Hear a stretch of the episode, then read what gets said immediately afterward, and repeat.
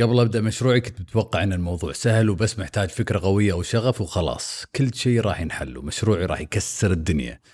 مشروعي الأول فشل والثاني فشل والثالث فشل.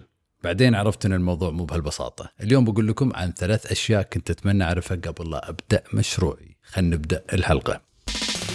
درد الشو بالسيارة. استثمر في نفسك. ابدأ. تعلم. تغييرات بسيطة نتائج كبيرة.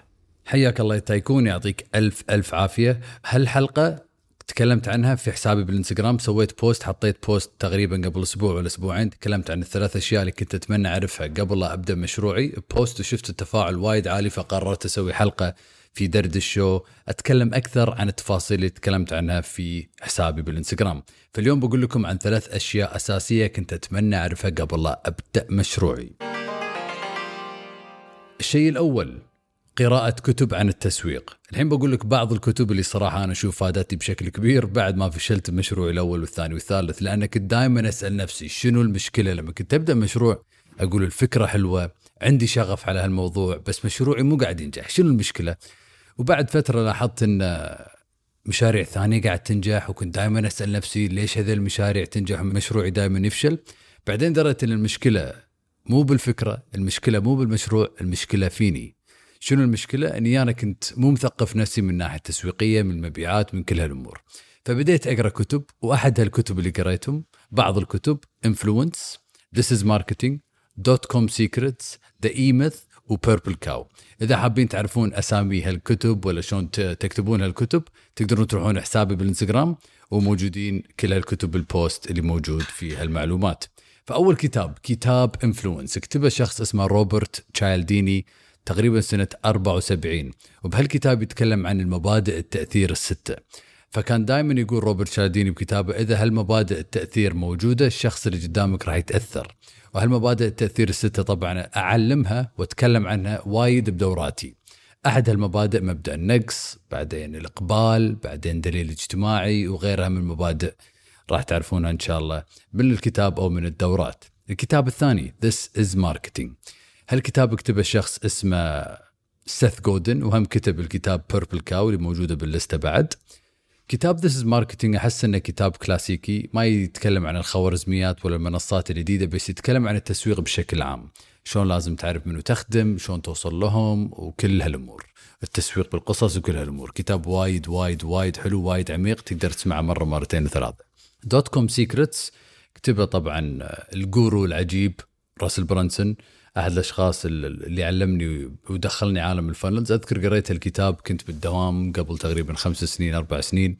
كنت كل يوم آخذ الكتاب معي الدوام كنت أتصفح وهالكتاب اللي عرفني على ال funnels فهالكتاب أنصح كل شخص حاب يبدأ مشروع أونلاين أو حاب يتعلم عن ال funnels يقرأ كتاب DotCom Secrets وهم يقدر يسمع الكتاب ترى. كل هالكتب موجودين ترى ب audiobooks يعني وأنت بالسيارة تقدرون تسمعونهم. هل هالكتب موجودة باللغة العربية؟ ما عندي أي فكرة. دشوا جوجل وشوفوا. وفي كتاب بعد آه، رابع اسمه The E-Myth كتبه شخص اسمه مايكل جربر هالكتاب يذكر مثال عجيب اللي هو شركة ماكدونالدز من أكبر الشركات بالعالم وأكبر مطاعم ال franchise بالعالم ويشرح بالضبط شلون قدر المؤسس يحول هالشركة إلى system إلى franchise وشنو سوى في ماكدونالدز. وطبعا هالكتاب ما يتكلم بشكل كبير عن التسويق بس أعتقد إن operations جزء كبير من كل مشروع. فهذا ليش ضفته للستة وآخر كتاب طبعا Purple Cow كتاب هم سيث جودن اللي كتب This Is Marketing سيث جودن ترى شباب شخص يعني ريال عود يمكن عمره 60 ويعني من الكبارية بالتسويق بالعالم. وهالكتاب Purple Cow يتكلم عن البقرة البنفسجية. هذه ترجمة اسم الكتاب البقرة البنفسجية. ليش قاعد يتكلم عن البقرة البنفسجية؟ يقصد إن لازم فكرتك تكون مميزة عن السوق. لازم لما الشخص يشوف المنتج مالك أو يسمع عن مشروعك يحس إنها لما إحنا نشوف مثلا قاعدين نسوق سيارة وإحنا رايحين المزرعة ولا بالريف هذا المثال اللي هو يقوله. وشفنا بقر على يميننا ويسارنا بعدين شفنا بقرة بنفسجية. شنو أول شيء بنسوي؟ ها فكرت؟ احتمال كبير راح نوقف السياره وراح نروح نصور هالبقرة البنفسجية وراح نروح نقول حق ربعنا عن البقرة البنفسجية وصورنا مع البقرة البنفسجية وكل الأشياء. فنفس الشيء مشروعنا أو منتجاتنا. شلون نقدر نخلق منتج أو نصنع منتج لما العملاء يشوفون المنتج مالنا يبون يقولون حق ربعهم عن هالمنتج. فهذا غرض الكتاب بشكل كامل. فهذا كان الشيء الوحيد اللي كنت أتمنى هذا الشيء الأول اللي كنت أتمنى أعرفه قبل أبدأ أي مشروع اني لازم أثقف نفسي. وقبل يومين قلت شغلة بالإنستغرام لا تبدأ مشروع بعدين تتعلم التسويق بس تعلم التسويق بعدين ابدأ مشروع. والشيء الثاني اللي كنت أتمنى أعرفه قبل أبدأ مشروع حتى يكون أهمية مهارة التوظيف في كل مشروع وهذا شيء قاعد أشوفه كل يوم. ربعي عملائي متابعيني قاعدين يواجهون المشكلة، شلون أوظف فريق؟ من وين ألقاهم؟ شلون أثق فيهم؟ كم أعطيهم معاشات؟ أتعامل معاهم بشكل آه، دايم يعني ولا أسوي لهم أتعامل معاهم ك freelancer ولا project base وكل هالأشياء ولا كمستقل وكل هالأشياء. أنا عندي خمس أشياء بقول لكم عنها عن التوظيف لازم تعرفونها. لازم الشيء الأول لازم توظف الشخص المناسب في المكان المناسب. هذا شيء طبعا يعني كل مشروع بالعالم يواجهون الصعوبات. إن نوظف شخص ومرات ما نشوفه قاعد يأدي في الشركة مالتنا لأن المكان اللي حاطينه في الشركة مو قاعدة تظهر لنا نقاط قوته فقاعده يعني ما قاعد تظهر لنا فالشخص مو قاعد يأدي فلازم إحنا نعرف بالضبط منو الشخص المناسب للمكان المناسب. عشان نعرف الشيء هذا لازم نعرف شنو المهارة اللي نحتاجها في مشروعنا شنو النواقص في مشروعنا. الحين الشغله الثانية في التوظيف قيادة الفريق وتحفيزهم نحو هدف معين. إذا عندنا فريق خمس أشخاص عشر أشخاص لازم نحفزهم ونقيدهم ونكون قائدين كأصحاب مشاريع نقيدهم تجاه هدف معين. وبكل مشروع لازم عندنا هدف لازم عندنا vision لازم عندنا mission لازم عندنا أهداف نبي نوصل لها بالربع الأول من السنة الربع الثاني بالسنة بشكل عام ولا بعد خمس سنين وكل هالأشياء. لازم دائما نحفز الفريق تجاه هدف معين. الشغلة الثالثة التطوير والاستثمار المستمر في لكل شخص في الفريق الأشخاص بفريقك نبي نطورهم نبيهم يتعلمون نبيهم يكونون أشخاص مختلفين بعد سنة بعد سنتين بعد ست أشهر نبيهم يكونون أشطر في المجال اللي هم فيه. فلازم دائما نستثمر فيهم بدورات بكتب ندربهم هذا شيء وايد وايد مهم. الشيء الرابع اللعب. إحنا بفريقنا كل أسبوع عندنا اجتماع الفريق من دار مدار العالم. تخيلوا فريقنا من كل مكان بالعالم. فعشان نجمعهم كلهم بمكالمة واحدة اللي هي يوم الأحد الساعة 12 الظهر آه، مرات نلعب ألعاب مرات نتكلم عن أدائهم آه، مرات نتكلم عن أهدافنا حق هالشهر فكل أسبوع يكون في ثيم معين موضوع معين نتكلم عنه مع الفريق وأحد الثيمز مرة بالشهر نلعب لعبة مع الفريق عشان بس نكسر حاجز الشغل وكله دائما نسولف على الشغل وإحنا قاعد نشوف الصراحة إن هذه الشغلة قاعد تفيدنا وقاعدين نستانس إحنا بهالاجتماعات فركزوا على اللعب ولا تأخذون أشياء بجدية. الشغلة الخامسة بيئة مناسبة لطرح الأفكار الجديدة والمتنوعة. إذا عندك بيئة بالدوام الموظفين يكونون خايفين من المؤسس ولا خايفين إنه يطرحون أفكارهم عشان بعدين إحنا راح نقول شو الفكرة الخايسة ولا شو الفكرة المو حلوة ولا كل هالأشياء؟ ما راح تعطيهم الفرص إنهم ينمون ويكبرون ويقولون اللي بقلبهم مو بس على الأفكار بس على أشياء ثانية بعد. فلازم نصنع بيئة مناسبة لطرح الأفكار الجديدة والمتنوعة.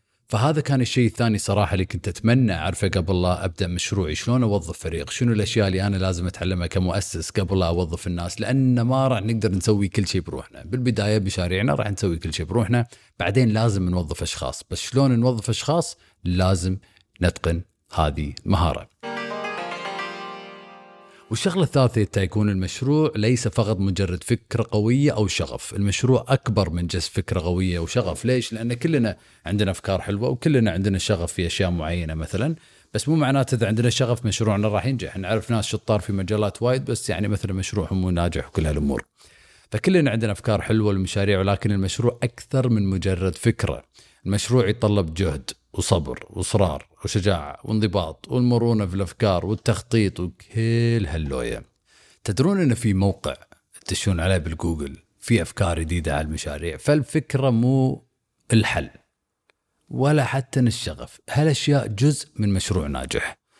بس المشروع الناجح يتطلب جهد يعني لازم تشتغل لازم تستثمر بنفسك لازم تقرأ كتب. في وايد منكم ترى المستمعين ومتابعيني بالانستغرام يبون شخص يدير المشروع مالهم وهم بس يقعدون ومشروعهم يكون ماشي. هذه ترى شغلة ما حد يقدر يسويها. ما في مؤسس بالعالم يسوي شيء هذا.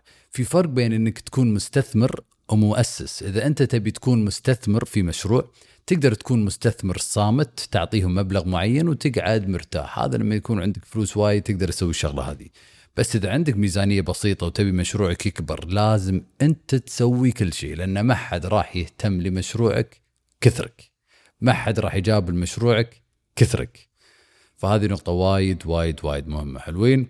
فلازم إحنا نجتهد ويكون فينا صبر واصرار وشجاعة لأن لازم نتخذ قرارات مرات تكون تخرع وما راح نقدر راح نخاف من هالأشياء. بس لازم تكون عندنا الشجاعة والثقة والإيمان بفكرتنا والإيمان بالله إن إن شاء الله كل شيء راح يكون تمام وراح نتوفق. بس أهم شيء تكون عندنا شجاعة إن نتخذ قرارات تخرعنا شوي. وطبعا انضباط هذا شيء وايد وايد مهم. ما يصير أنا عندي مشروع ونايم للساعه 2 ولا الساعة 12 الظهر وأقعد متأخر وأيي الدوام ولا ما أشتغل على مشروعي إلا ساعة ولا ساعتين باليوم.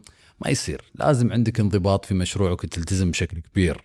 والمرونة في الأفكار والتخطيط. شنو يعني؟ يعني مرات الفكرة المشروع تكون شيء وبعد ست أشهر ولا لما تبدأ مشروعك ال business model أو الطريقة اللي راح تطلع فيها فلوس أو فكرة المشروع بشكل عام راح تختلف بشكل كبير. فخليك مرن في الأفكار والتخطيط. وبعد ثلاث سنين يا tycoons من تقديم استقالتي من الدوام وتأسيس مشروعي كل يوم قاعد أتعلم أشياء جديدة وأفشل وأرد أتعلم. والحين صار دورك تشاركني شيء مهم بال post اللي موجود بحسابي بالإنستغرام. شنو شيء واحد تعلمته درس كبير تعلمته بحياتك. أنا أحب أسمع صراحة دروس فقاعد أقرأ كل ال comments أمس لما نزلت ال post وشفت أشياء صراحة وايد وايد وايد قوية. بس قبل ان ننهي الحلقة خلينا نسوي لنا مراجعة بسيطة على ثلاث أشياء. فأول شيء تكلمت عنه اني كنت أتمنى أني كنت قاري كتب عن التسويق ولا عن ال business بشكل عام. عشان أستثمر بنفسي. وإذا أنت شايف نفسك إنك مو شاطر بالإنجليزي يا شباب تقدرون تروحون يوتيوب وتدشون على أي مثلا صفحة باليوتيوب ولا قناة وتكتبون أي شيء تحتاجونه لأن في وايد عرب الحين قاعدين يتكلمون على هالمواضيع حلوين. فأول نقطة قراءة كتب والاستثمار بالنفس. ثاني شيء أهمية مهارة التوظيف في كل مشروع. ثالث شيء المشروع ليس مجرد فكرة قوية أو شغف. ويعطيكم ألف ألف عافية على وقتكم وعلى ثقتكم. إن شاء الله نشوفكم بالحلقات الجاية من برنامج دردش بالسيارة. حاب تكون عندك خطة واضحة لحسابك بالإنستغرام؟ أغلب الناس تصنع محتوى بشكل عشوائي بالإنستغرام وهذا ليش ما يشوفون نتائج؟ بس اليوم عندي لك هدية خاصة لأنك تسمع هالبرنامج ولأنك tycoon. الهدية عبارة عن خطة كاملة لحسابك بالإنستغرام وراح أعلمك سر التسويق والمحتوى. وطبعا الهدية مجانا عبارة عن جدول تطبعه وملف ثاني تسمعه. كل اللي عليك تسويه إنك تروح موقع عيد PDF dot com E I D PDF dot com وراح تاخذ الهدية على طول. مرة ثانية E I D PDF dot com الرابط بعد موجود بحسابي بالإنستغرام بال bio. بالتوفيق إن شاء الله.